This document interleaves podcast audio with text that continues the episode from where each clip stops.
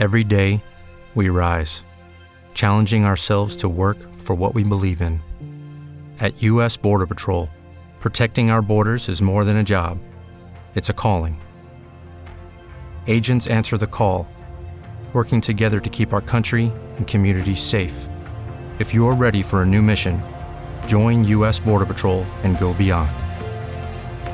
Learn more at cbp.gov/careers.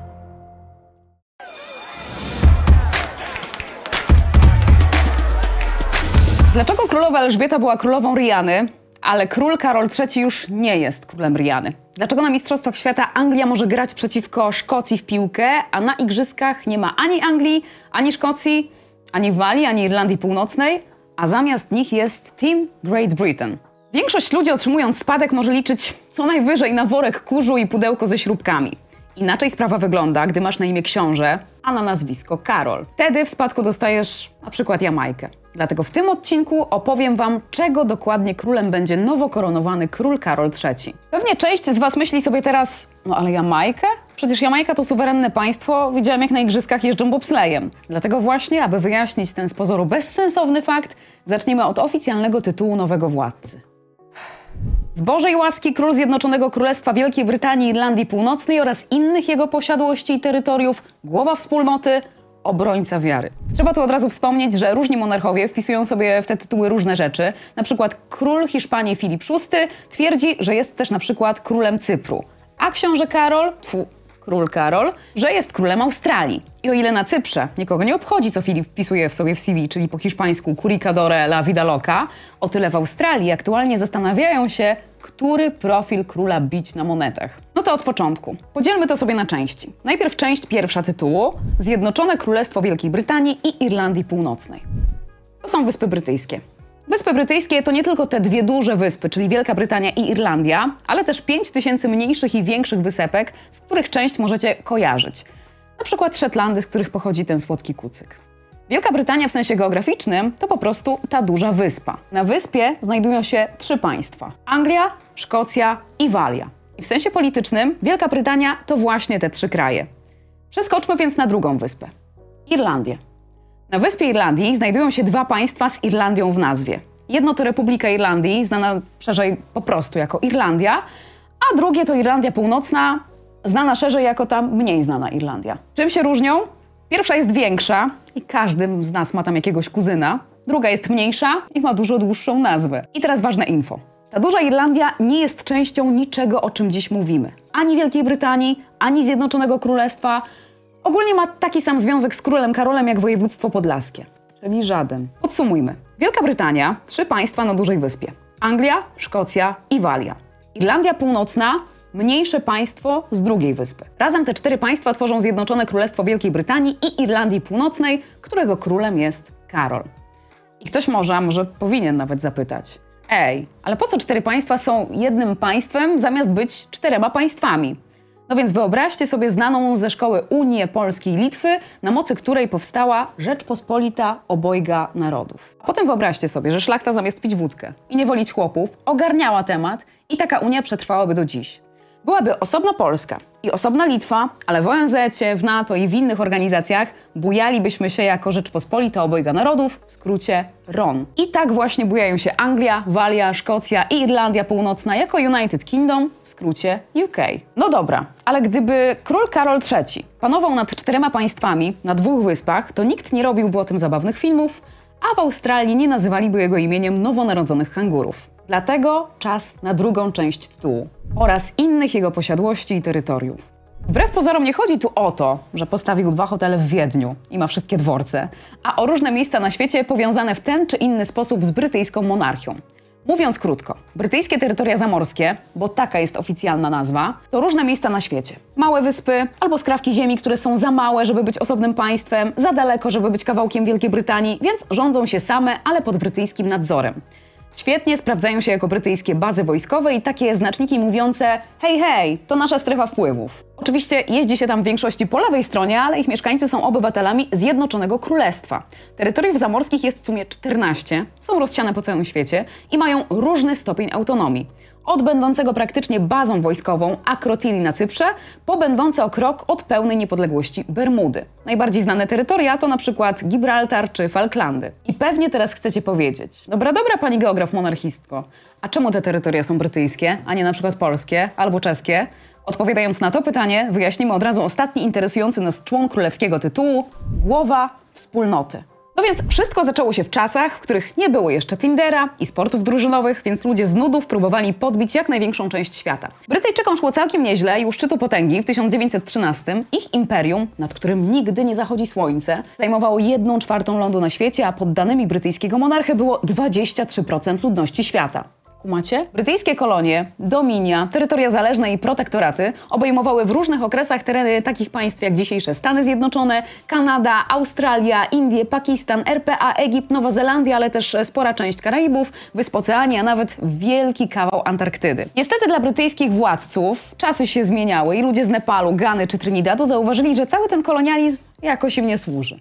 Że niby wykopują te diamenty, With the Lucky Land slots, you can get lucky just about anywhere.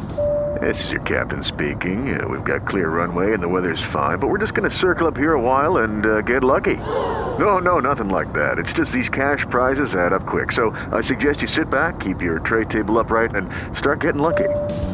Play for free at LuckyLandSlots.com. Are you feeling lucky? No purchase necessary. Void where prohibited by law. 18 plus terms and conditions apply. See website for details.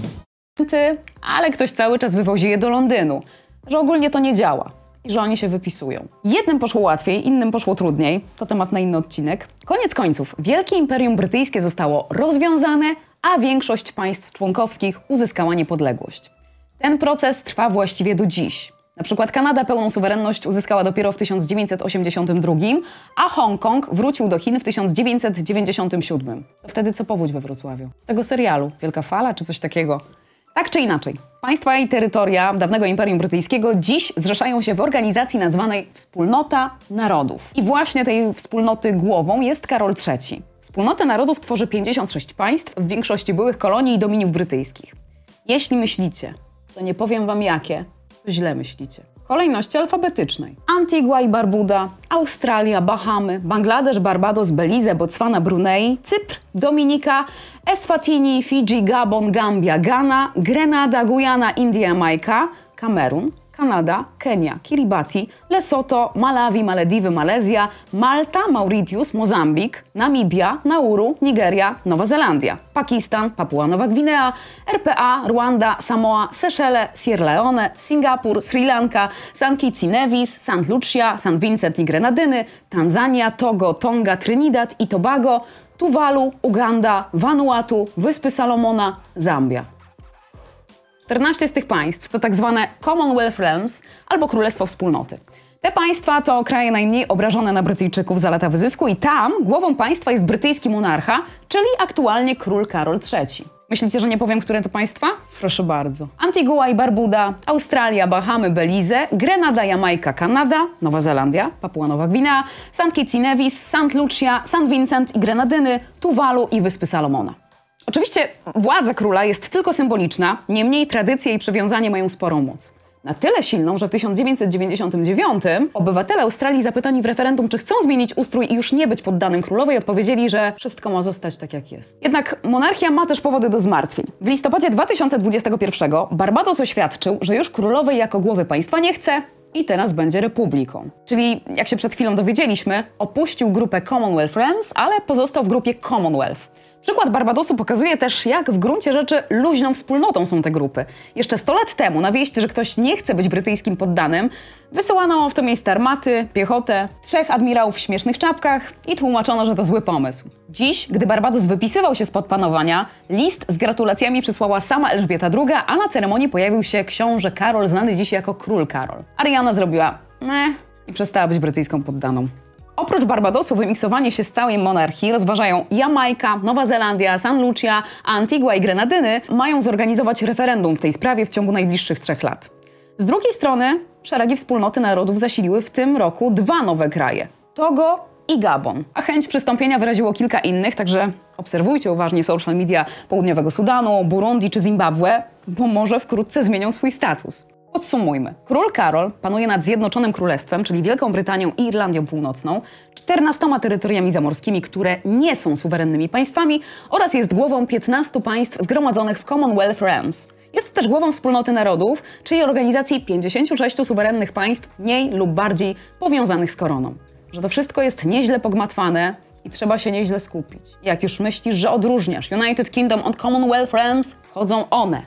Całe na biało. Dependencje korony brytyjskiej. Już słyszę te okrzyki. O nie, już za dużo, my już nie chcemy o dependencjach. Ale spokojnie, to jest ostatni klocek tej układanki. Dependencje są trzy: Man, Jersey i Guernsey. Wyspy rządzą się same i nie są częścią UK, ale UK odpowiada za ich obronę i dyplomację. Dziwne?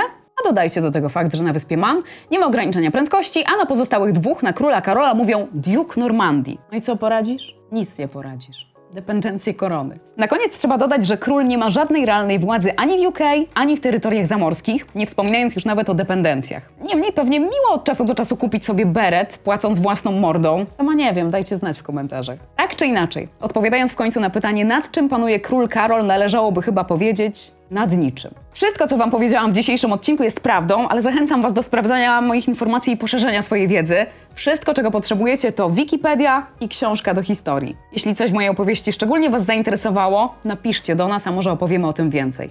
A teraz hymn Zjednoczonego Królestwa. A, dalej nie wiemy, dlaczego na igrzyskach występuje Team Great Britain. Tym bardziej, że Team Great Britain składa się również z Irlandii Północnej, więc powinien się właściwie nazywać Team UK. Wbrew pozorom nie chodzi o to, że Irlandczycy Północni są słabi z WF-u, tylko o to, że w igrzyskach biorą udział kraje zarejestrowane w Międzynarodowym Komitecie Olimpijskim. A tam United Kingdom zarejestrowało się jako Wielka Brytania.